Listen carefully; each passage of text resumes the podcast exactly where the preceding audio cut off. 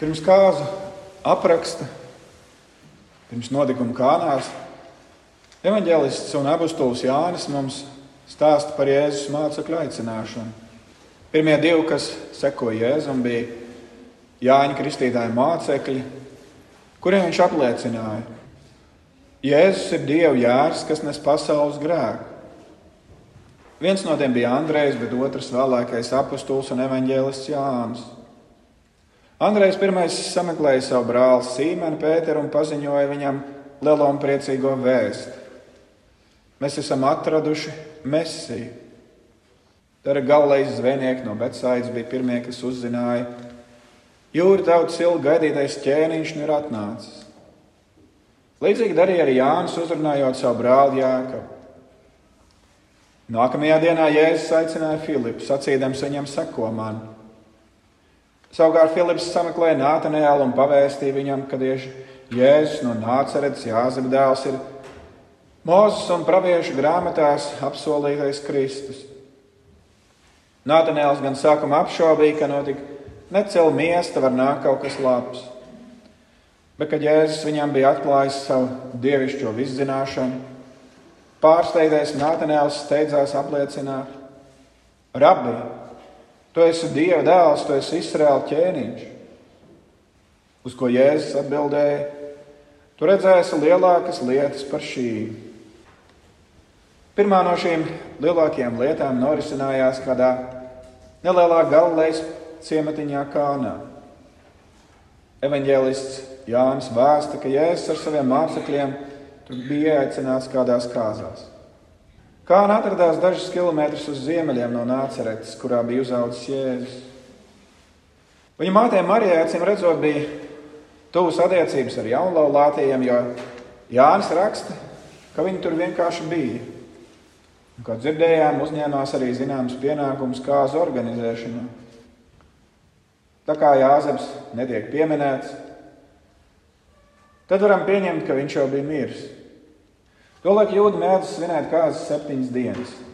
Tas bija svarīgs un priekpilns notikums, jaunas ģimenes dibināšana, kur vīrietis un sieviete pēc dievu gribas un ar dievu svētību kļūst par vienu miesu. Vai nu jau laulātie nebija īpaši turīgi, vai arī viesis bija ieradies vairāk nekā paredzēts, taču kādā no kāzu dienām viņas izbeidzās. Tā trūkums nedarīja godu kāzu rīkotājiem, Tādēļ, kad Marija to pamanīja, viņa uzreiz teica Jēzum, viņiem nav vīna. Jēzus māte būs 30 gadus gaidījuši šo mirkli. Viņa bija sirdī paturējusi eņģeļu un cilvēku teikto, ka viņas dēls ir arī Dieva dēls. Nesen Jēzus Kristībā to vēlreiz bija apliecinājis pats Dievs no debesīm. Teikdams, ka Jēzus ir viņa dēls, uz kuru viņam ir labs prāts. Nu, vai tad Jēzum beidzot nevajadzēja visiem publiski atklāt, kas viņš patiesībā tāds ir? Un kā gan vēl labāk to varēja izdarīt, ja nepaveicot brīnumu daudz ļaužu acu priekšā? Par to, ka Marija būs šāda vai līdzīga domājusi, liecina Jēzus atbildi. Kas man ar tevi, sieva? Mana stunda vēl nav nākusi. Šie Jēzus vārdi liekas asi un noraidoši. Taču mums jāņem vērā, ka pavisam nesen Jēzus bija uzsācis savu publisko kalpošanu. Un Marijai, kā Jēzus mātei, nebija pilnīgi nekāda teikšana pār viņa aicinājumu un amatu. Tas viņai bija jāsaprot jau pašā sākumā. Tāpēc Jēzus, vērsdamies pie Marijas, sauca viņu nevis pēc mīlestīgās radniecības par māti, bet gan par sievieti, kuras radītājs un kungs viņš ir. Tad tā nebija nelaipna, Necieņas izrādīšana savai mātei, bet gan atgādinājums, ka vienīgi Dievs ir tas, kurš nosaka savu vienpiedzimšā dēla kalpošanu šajā pasaulē. Šī rakstu vieta pilnībā noraida visas tās pasakas un maldas, ko Romas baznīca māca par Mariju kā bezgrēcīgu jauno vai cilvēku līdzpestītāju. Jo Marija, būdama tāda pati grēcinieca kā mēs, nevar būt līdzdalīga mūsu pestīšanā. Un ne Marija, ne citi miruši ticīgie, kas nu ir debesīs, un pat ne eņģeļi nav tā cienīgi, lai mēs pie viņiem vērstos lūgšanā. Šāds gods pienāks vienīgi Dievam, un viņš to nevienam nekad neatdos. Tad Jēzus Marijai saka, ka viņa stunda vēl nav nākusi. Jēzus zināja, ka viņa stunda, kā Dieva sūtītā cilvēks pestītāja stunda visspilgtāk atklāsies pie krusta staba Golgātā, kur viņš mirs par visiem mūsu grēkiem, uzņemdamies Dieva dusmību uz sevi mūsu vietā. Pēc tam trešajā dienā viņš celsies augšā, sagādājot mums grēku piedošanu. Un tomēr arī brīnum darbiem, ko viņš veiks, lai demonstrētu, ka ir Dieva sūtītais glābējs, kuram ir vāra pār grēku, vēlnu un nāvi, būs savs Dieva nolikts brīdis. Jēzus nebija nācis patvaļīgi pārsteigt un izklaidēt cilvēkus ar brīnumu veikšanu, lai tādējādi kļūtu populārs un tautā mīlēts. Visi viņa brīnuma darbi bija zīmes, kas apliecināja, Jēzus ir Kristus, tas kungs. Tā nu Marija pazemīgi uzklausīja Jēzus teikto, ticēdam, ka viņas lūgums tiks sadzirdēts un atbildēts, taču nevis pēc viņas, bet pēc Dieva prāta, Dieva noliktajā laikā. Tāpēc viņi saka svinību apkalpotājiem, lai tie dara to, ko Jēzus viņiem teiks. Vēlāk saņēmuši no Jēzus norādījumu, Piepildīt jūdu rituālos šķīstīšanās trauks ar ūdeni, viņi to nekavējoties arī izdara. Jēzus tiem saka, smeliet tagad un nesiet galdu uzraugam. Bez liela trokšņa reklāmas, nesakot nevienu vārdu, Jēzus pārvērš ūdeni vīnā.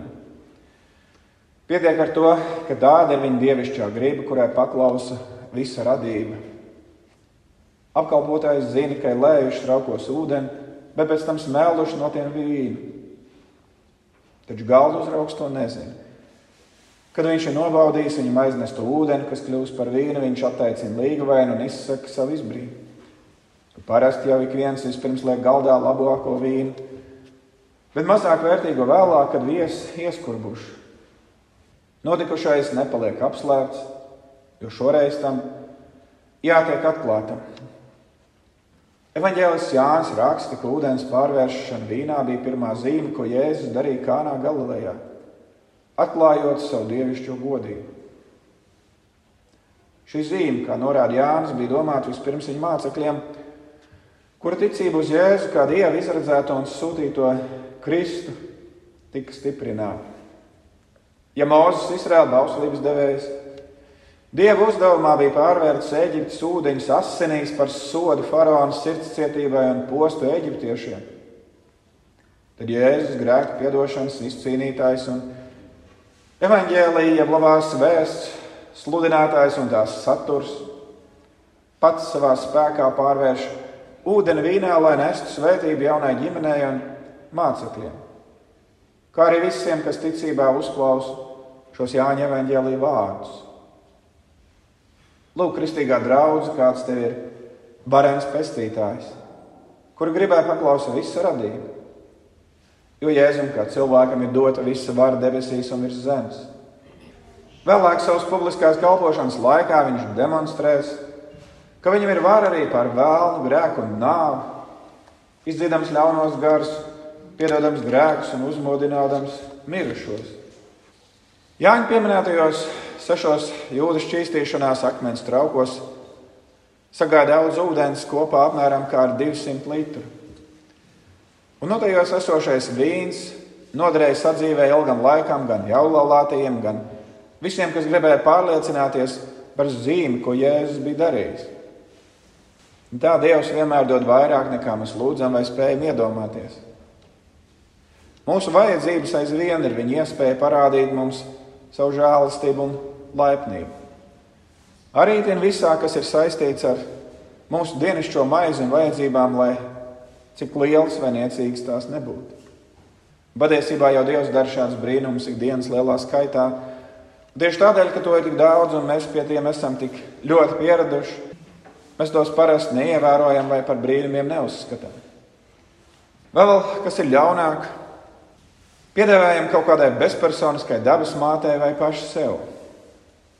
Jo vai cilvēks ir tas, kurš ir izdomājis un izveidojis, piemēram, to pašu vīna stādu, kad es uzsūcot ūdeni no zemes un saņemot saules gaismu, pārvērst šo ūdeni vīno gražā. Tādēļ grūtos laikos, kad mēs labāk pamanām savus vajadzības trūkums un nespēja tikt galā paši ar savām problēmām. Lai vēl sirsnīgāk lūdzam, debesu Tēvs mūsu dienascho maizi dod mums šodien. Jo Dievs ir žēlīgs un pabaro pat ļaunus cilvēkus.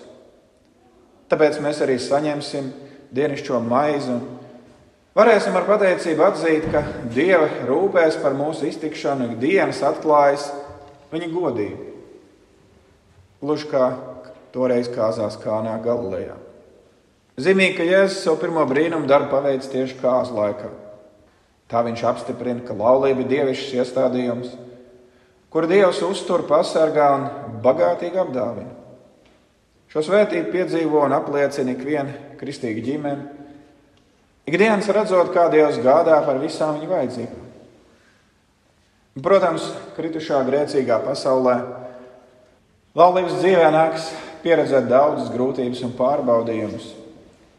Taču Jēzus paveiktā ūdens pārvēršana vīnā kāzu laikā, Kānā Galilejā mūs iedrošina, mierina un apliecina, ka tiem, kas mīl Dievu, visas lietas nāk par labu. Zīmīgi, ka gan vecajā, gan jaunajā derībā ticīgie tiek dēvēti par Dieva līgavu. Jēzus ir līgavainis, bet kristīgā baznīca, to starp mēs, viņa līgava, kuras pestītājs viņš ir. Apostols Pāvils vēstulē leviziešiem pamudina kristīgas sievas paklausīt saviem vīriem, kā tam kungam, un jūs pret tiem bijāt, bet kristīgs vīrs mīlēt savus sievas, tāpat kā Kristus ir mīlējis savu draugu, nododamies viņas labā, lai to darītu svēti, šķīstot ar mazgāšanu, jeb kristību, ūdenī caur Dievu vārdu. Tā kā Kristus ir dāvājis tev savai draudzēji savu taisnību. Un tā sagatavojas tev Dievu priekšā cienīgi, bez straipa, bez krunkas vai cita tam līdzīga trūkuma, lai tu kristīgā draudzene būtu svēta un bez vainas. Kā uz līgsmību un lielas debesīs, kur tu sastapsi savu pestītāju, Jēzu, un kur tu redzēsi viņu tāds, kāds viņš ir, tas tev vēl priekšā. Taču jau tagad viņš tev dod valdīt labumus no šī kāzu mīlestības. Jēzus pats klāja savu galdu, pasniegdams tev savu miesu un asins. Jēzus pabaro tev dvēseli, stiprinādams ticību. Viņš dod mierinājumu tavai sirdī no visiem pasaules grūtumiem un sniedz tev spēku un atspirdzinājumu. Un tā svētajā altāra sakramentā Jēzus pats atklāja tev savu dievišķo godību tikpat klusi un pazemīgi, kā kāzās Kānā Galilejā. Āmen!